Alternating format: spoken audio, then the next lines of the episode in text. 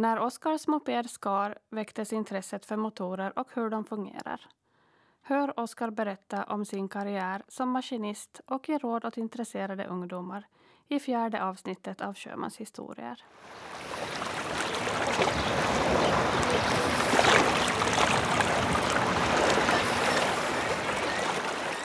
Vill du berätta lite om dig själv till att börja med?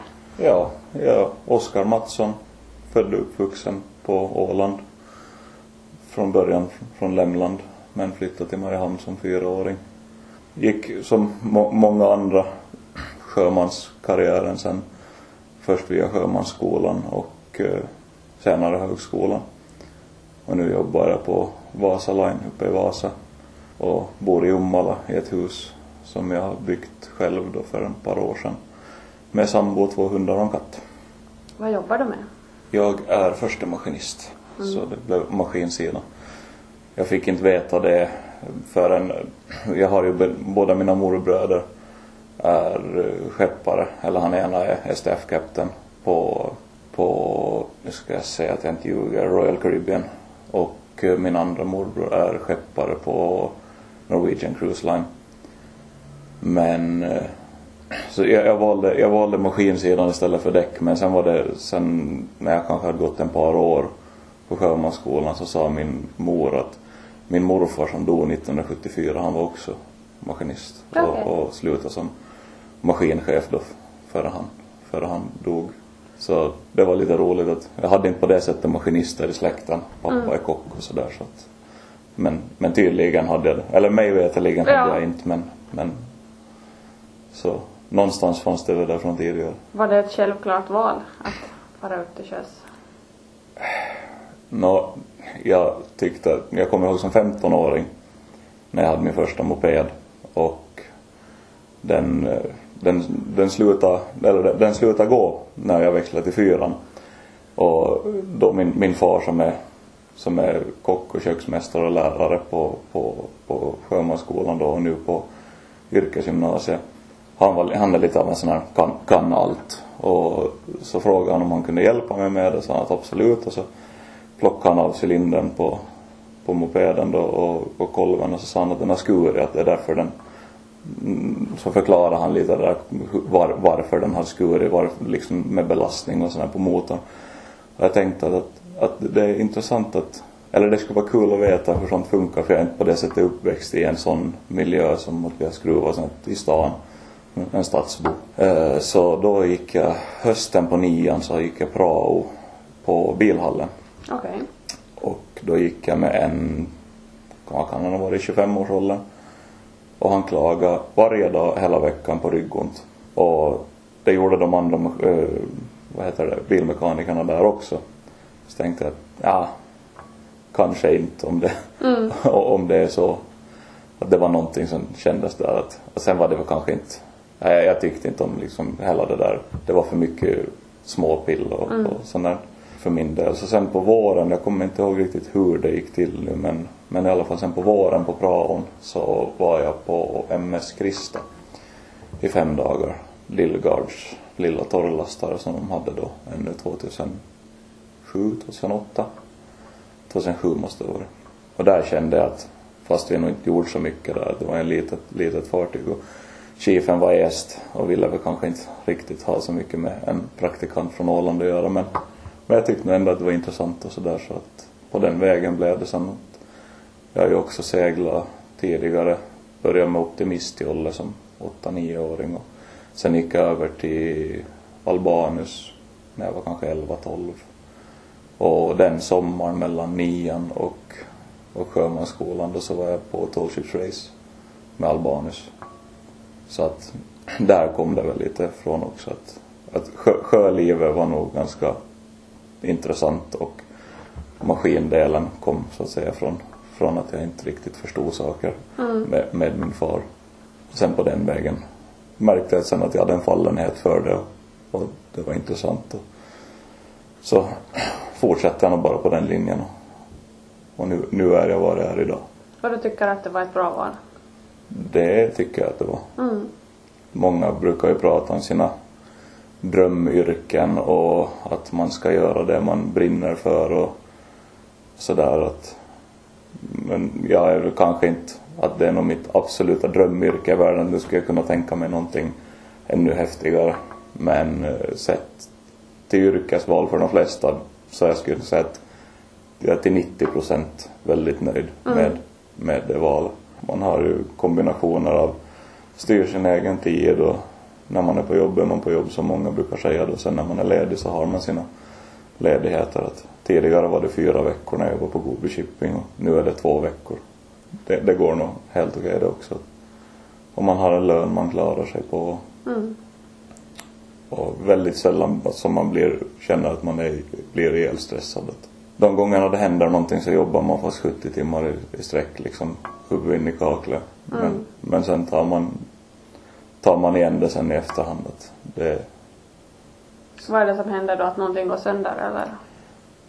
jo, när någonting går sönder som måste repareras för att vi ska liksom kunna fortsätta köra det. På, på Vasa Line så där har vi ju, det är ju så att säga, det är ett pass- passagerarfartyg och det finns ju fyra huvudmaskiner och, och sånt där så att det är, allting är dubblerat. Att de har en annan, ett annat krav på redundans som det kallas. Att hur mycket, hur mycket ett system får fallera. Liksom, att, att man måste ha mera backup på passagerarfartyg. Då. Så att där händer det väl kanske inte samma typer av saker men, men på lastbåtarna så har, kan du ha en, en större, ett större haveri då. Jag har varit med om två större där vi har legat tre dagar. Tre, fyra, eller tre dagar innan vi överhuvudtaget fått igång då. Och sen ena gången så blev det ett uppehåll på två veckor. Och då jobbar man ju långa, långa dagar och, och sen har det varit de gångerna också som det har stannat mitt, mitt ute på sjön. Ja. Eh, En gång till så stannade, stannade för oss precis utanför Gotland i 25 meter per sekund. Eh, Mitt, mitt på dagen då. Och så vi fick, vi hade en cylinder hade skurit då på huvudmaskinen och där var det bara en huvudmaskin och hade, skepparen hade båda släppa båda ankar, ankaren och då, men vi hade 150 meter kätting ut av båda ankarna och vi raggade ändå två och en halv knop mot Hoburgsbankarna. Så att vi hade väl, vi fick väl igång där två på natten med två, tre timmar till godo. Och det var ju, vi hade ju inga, inga bogserbåtar som skulle hunnit dit i tid så Nej. sådana gånger så är det ju bara att köra på. Att det, man Men kan alltså var det var för djupt att, att ankaren tog? Var Nej, de, de, de, de låg nog på botten men det var så mycket sjö och, och så dålig vind och dålig botten då så att de höll inte helt enkelt. Okej. Mm. Och de hade ut så mycket, så mycket ankar, kätting som, som de vågade ha då. Så att det var, sådana gånger så får man ju köra, som sagt köra på bara. Och hur går tankarna då? Inte alls. Det är full fart bara. Eh, Jag är ju sån här, jag är ganska lättsam som person annars. Alltså har, ju, har att göra med, säger de som jobbar med mig i alla fall. Men just såna där gånger så, så går man nog väldigt mycket in i en... Jag blev ju befäl väldigt tidigt. Som 19-åring som jag seglade första gången som, som andra maskinist. Och nu har jag seglat första maskinist eh, i tre och ett halvt år. Jag är 27 idag. Men så att vissa brukar ju säga att det är lite svår, svårt att visa ledar, ledarskap och sådär när man är yngre. Men det går nog ganska bra när man, när man har koll på läget sådär att man kan att man känner att man har koll och kan dirigera andra personer och, och, och sådär. Så att de gångerna så får man nog bara gå, gå in och vara tydlig med vad som måste göras och så, och så kör man på. Och på lastfartygen så kommer ju ofta däcksavdelningen om det är något större just så kommer ju de ner och hjälper till som den här gången då så var de med och handtorka hela vävhuset på, på huvudmaskin då med trasor. För vi hade fått metall, metallflisor i, i, i vävhuset som man måste torka bort för att inte få med det med oljan. Så det är nog alla hjälper till och enligt förmåga. Men det Men måste någon förstår som... man då när man är mitt i det att nu kan det sluta illa eller är det först sen efteråt som man får den tanken? Vi i maskin kanske inte alltid tänker på det sättet alltid vad som ligger runt omkring. Att jag vet som sagt den gången då så som sagt det var någon gång mitt på dagen och så meddelade vi nog bara att nu måste vi nu måste vi ankra, att vi, vi får inte igång nu, att vi måste plocka, plocka isär huvudmaskin. Uh, eh, och sen var det klockan, alltså efter att vi hade fått igång den, när jag kom upp på natten så stod kapten och skrattade i hyttgången. Och sa att Oskar, ja, sa att, att vad är det nu? Han blev ganska så här, han var sån här att han, han blev lite sådär uppstressad och, och fick så här nervöst skratt. Så, så att vad är det nu? Så, så han att det var, det var fan i sista minuten det där, sa han. Så frågade jag att vadå? Ja, en timme så skulle vi ha varit uppe i sandbankarna. Så att ja, men, bra att vi att vi slapp veta det när vi mm, höll på. Precis. För då finns det just den där risken att man börjar stressa. Mm. Men mer än vad man borde. Mm. Så att vi, vi förlitar oss på information vi får från, från bryggan. Att visst har de ju möjligheten att säga att det går inte. Vi kör nu och då kan vi säga till dem, kör då men det, det, det, varje sekund om du har ett sånt här där du vet att en cylinder tappar smörjning eller någonting att ju mer du ger varje sekund du kör med det varje sekund så ökar du risken för att något ännu värre händer. Till exempel att en vävstake kommer ut genom blocket då kör du ingenstans med mer. Mm. Då finns det inte möjligheten att laga det heller. Och då landar man var man landar. Kan det finnas liksom motsättningar där mellan däck och maskin? Att de kanske inte alltid vet på däck? Eller har förståelse? Jag skulle säga att att nja, för att de gångerna som det händer allvarligare saker så åtminstone min erfarenhet att de förstår nog däcksavdelningen att de är inte bäst i världen när det kommer till allting. Att, att de, de har sina expertisområden och vi har våra. Mm. Om vi säger att nu ligger det till så här så brukar de nog i min erfarenhet lyssna. Jag tror kanske det var värre tidigare Precis. när, när skepparen hade den här gud, gudstämpeln över sig. Mm. Det är lite mera. Jag var inte med då på, på den tiden men, men jag har ju ändå jobbat med 60-70-åringar så, som har berättat hur det var då liksom tidigare att, att man knappt som maskinchef kunde, kunde säga, säga emot kaptenen. Nu är det liksom, debattklimatet är bättre att man, man respekterar varandras kunskaper. Så ja. Och, så. Vilket föredrar du? En liten lastbåt eller en större besättning? Ja, alltså jag har ju alltid tänkt när jag varit på lastbåten att det skulle vara kul med, med lite mera folk. Mm. Men nu när jag är där så är det, det inte umgås jag med några flera människor för det. Nej. Det är flera människor som har problem. Det, som har bekymmer som behöver lösas. Ja. Det är väl det. Så att det är väl lite hugget som stucket så länge man har någon eller en par som man har liksom kommer överens med och kan ha lite sådär som att man kan se någon film, ha någon att träna med, gå i bastun. Att då går det ju an. Mm. Men de här riktigt minsta, minsta lastbåtarna så är det väl där att det, där är bristen på utrymme som gör att det är lite ja, det finns inte gym på de minsta till exempel och sådär, så att där blir det nog ganska mycket sittandes i hytten. Då mm. kan nog fyra, fyra veckors törne bli, bli ganska långt. Och vad är det som du tycker att det är bästa sidan och kanske sämsta sidan med att jobba vecka, vecka eller två veckor och två veckor ledig? No, det bästa är väl det, no, för det första, ja, no, jag kan inte säga att det bästa är jobbet. Det bästa är väl nog att man är hemma och har sina liksom hemmaperioder eh, som man kan hålla på med med sina projekt. Att i mitt fall så gjorde det ju gjorde det ju det möjligt för mig att bygga, bygga mitt hus själv då. Mm. Eller i princip själv. Jag hade ju nog lite, lite firmor att göra vissa saker men, men till 90 procent.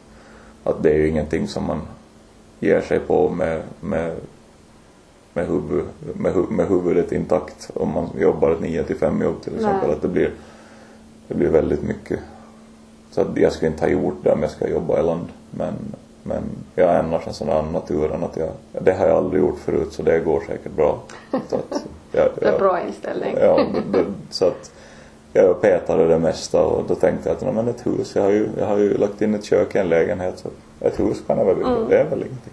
Och där bor ni nu så? Ja, Bra ja och, det står, ja, mm. och, och står och gör det nu. Så sådana grejer är ju, gör, är ju bättre.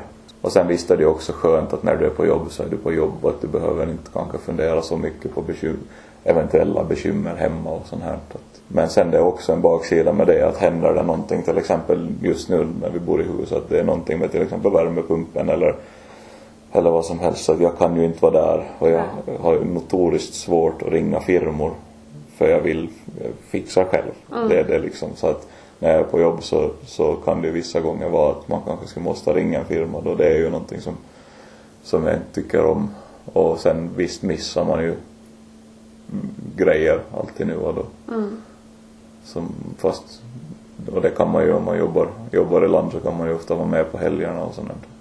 Sen när nu, nu när huset är klart, okej okay, det finns alltid saker att göra på huset men eh, du har ju mycket fritid och kanske dina vänner kanske jobbar mm. på dagarna.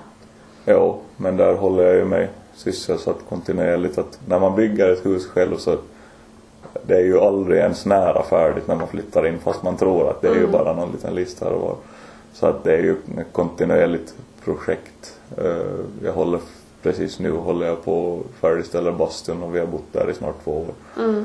Och jag har ännu ett rum på nedervåning som, nedervåningen som inte spacklat och målat. Och hela ovanvåningen är ofärdig. Så jag, håller, jag håller mig nog på det sättet med projekt. Och sen så har jag ju några, några kompisar som också är sjömän så att men där kan det falla ut så att de jobbar när jag är ledig. Just det. Mm. Som jag har, som jag har med en av, en av mina kompisar då som jag kommer hem tisdag kväll och han får på jobb onsdag dag.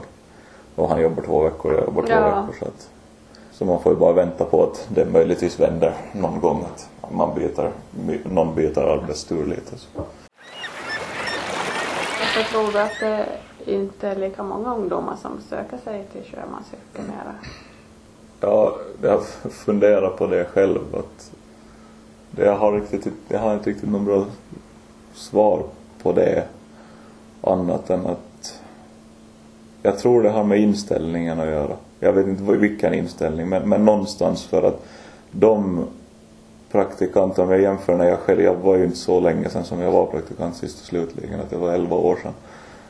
Så att om man jämför vilka vi var då och, och vad det fanns för folk och vad man försökte och hur man var och jämför det med de som vi ser idag så har ju det blivit en väldigt, i stort, jag säger inte alla men i stort har det varit en, blivit en väldigt negativ trend att det, det är verkligen de här, de, de vill inte vara där, mm. många av dem som, som söker sig dit så att jag vet inte om det är de som tidigare har sökt, som liksom har velat bli till sjöss, väljer någonting annat idag av någon anledning eller hur det är men man träffar inte på i princip, åtminstone inte vad jag har varit, sådana som verkligen vill bli till sjöss eller har visat ett genuint intresse utan det, de är mest sådana att titta på klockan och fundera när, när dagen slutat. Inte vill de vara något extra och inte vill de, inte frågar de någonting. Så, mm. så jag vet inte om det, om det är som sagt de som var intresserade av sjömansyrket tidigare kanske väljer, väljer några andra banor idag. Mm. Hög, högre utbildningar kanske man ska säga. Men det är svårt men det, det, det går neråt. Det märker vi också att det börjar till och med vara lite halvknepigt att hitta motorn men och det jag menar då när jag var ute det, du var ju glad om du fick ett sommarjobb. Mm. Och det var bara 10, 10-11 år sedan. Så att någonting, någonting har ändrat. För jag menar, nog fanns ju sociala medier och allt det där när jag började och så att jag tror inte att det har för stor inverkan heller. För det, det pratas ju, det är en av sidan folk som säger att jo att det känns sjömansyrke känns som så här sluskyrke, att det här bottenskrapet sådär som, man pra, som folk pratar om sjömansskolan och sådär. Men sen har du ju den andra sidan av folk som säger att folk vill bli skeppare för att de tänker att det är så fancy och fint. Mm. Så att det finns inte riktigt kanske någon jämn bild över det heller. Jag tror inte att man kan skylla på det heller utan det finns olika sidor där. Och, men däremot så är det väl, det är väl fortfarande än idag och att du, du hittar kanske inte jättemycket förstahandsinfo. Och många är väl rädda för att testa. Och det är så lätt att, det är så lätt att ringa, ringa hem och, och beklaga sig efter första dagen som det kanske inte var. Hade vi ju, det är ju lättare, det är ju däremot lättare idag än för tio år sedan. Att du nu, då kunde du ändå inte ringa precis när som helst utan inte hade vi ju internet hela tiden ombord och sådär. Så då bet man ihop de där dagarna som man, som man var ute om man var på lastbåt. Och sen kanske man kom in i det. Medan idag så, vi har ju haft flera stycken som har farit hem efter två dagar. Så de, de ger sig inte tid. Jag menar klart, det är ett projekt som är för en 16-åring, inte det kanske är så roligt.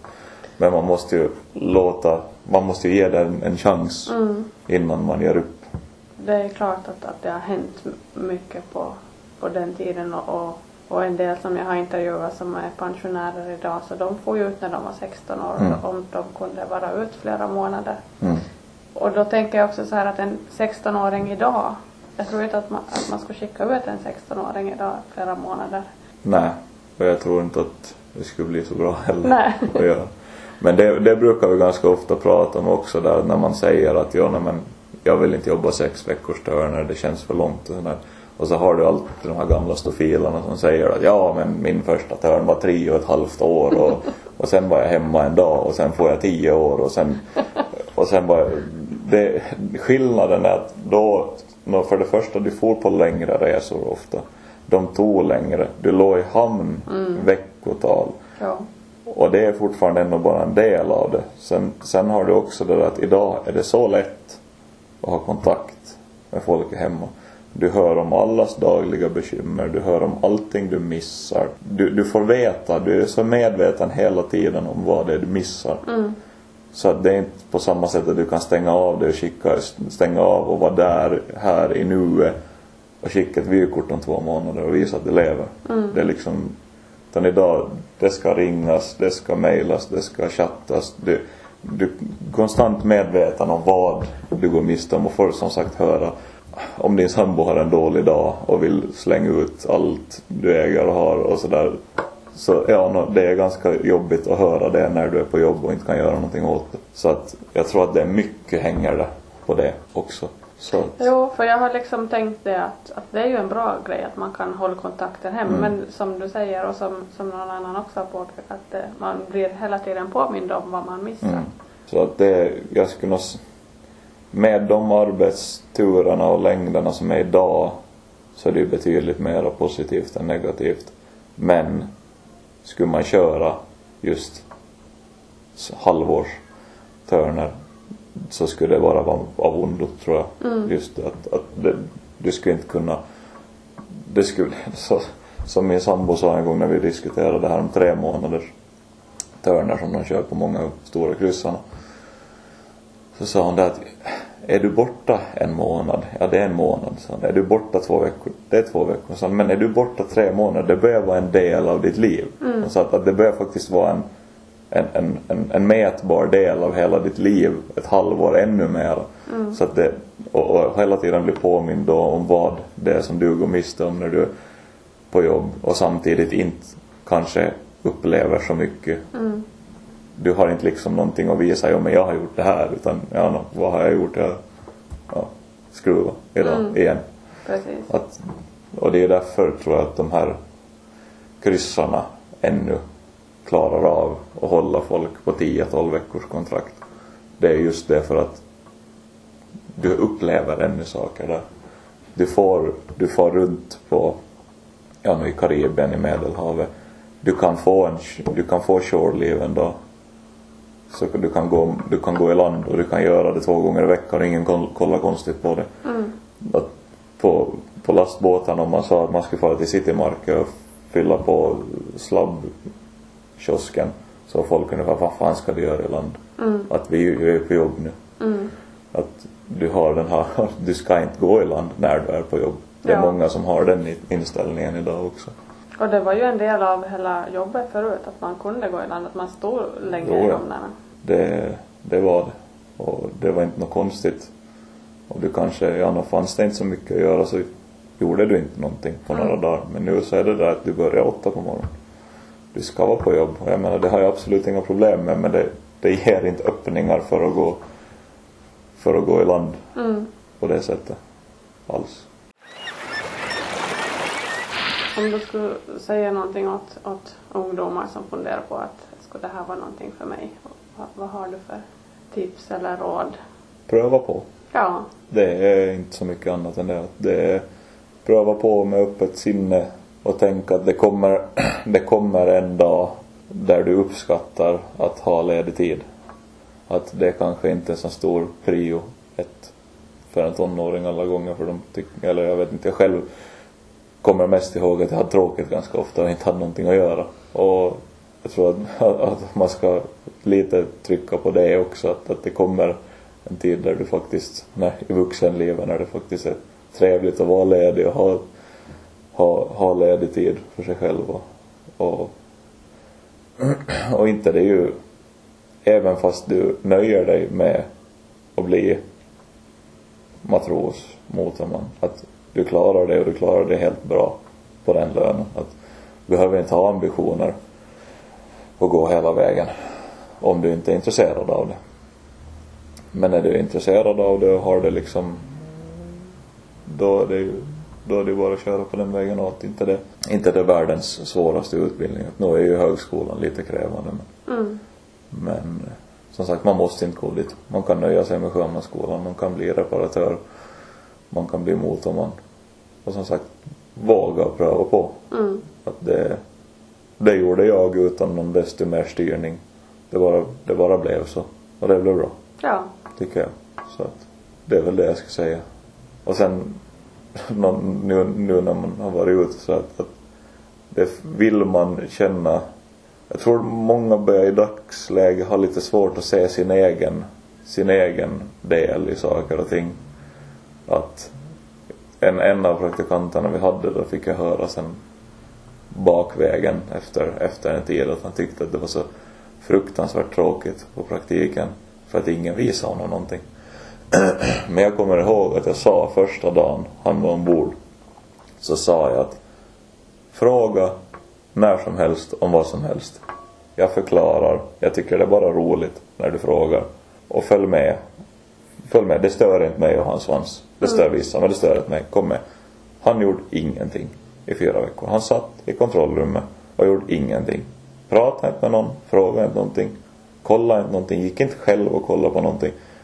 Och jag blev på det sättet blev jag vuxen ganska fort. Jag tänkte det är inte mitt jävla ansvar. Och, och springa och dra runt folk. Att visa framfötterna så kommer 99% av folket ombord tycka att det är bra. Mm. Jag tycker att det är kul. För de flesta, inte är du, inte är du sjöman om du inte tycker om att vara. Det är så lätt att gå i land om det inte är för dig. Så att de flesta som är till sjöss tycker om sitt arbete och det brukar ge sig i sin tur att man tycker om att visa och förklara. Lite eget ansvar måste man förstås ha också. Precis. Att man, man, men det är ingen som, högst antal, eller väldigt få i alla fall, som tycker att man är irriterande och besvärlig. Om man, om man frågar och så. Och definitivt så tror jag inte att någon säger det. Jag tror inte att någon säger att nu stör du mig. Att, om, om det skulle vara så. Att, att någon tycker att man är för, för jobbig. Men i det stora. Och, och sen så, det hjälper dig att få ditt första jobb. Har man foten inne så det är det största. Det är det största steget till att, till att få jobb sen vidare. Mm. Ja, och det kan säkert appliceras på vilket område som helst. Att, Jo, men jag skulle säga att jag ska inte säga att det är viktigare med det. Det är nog väldigt viktigt till sjöss för att oftast så sitter ju rekryterarna sitter ju i land och har in, lite till ingen kontakt och egentligen begrepp om vad folk är för personer så att de går ju bara på kommentarer de får från fartygen. mm. Och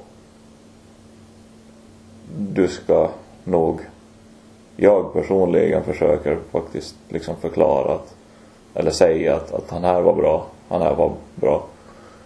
Eh, Så att de vet om det i land. Men som sagt, man- det krävs kanske lite mera vissa gånger för att utmärka sig. Just för att de som bestämmer vem som ska jobba var är oftast, går oftast på andrahandsinformation. Mm. Och då måste man kanske ha gjort någonting lite mer än bara sköta sitt jobb. Ja. För att få, liksom, ja, för att de ska upp, upp, bli uppmärksammade på att man finns.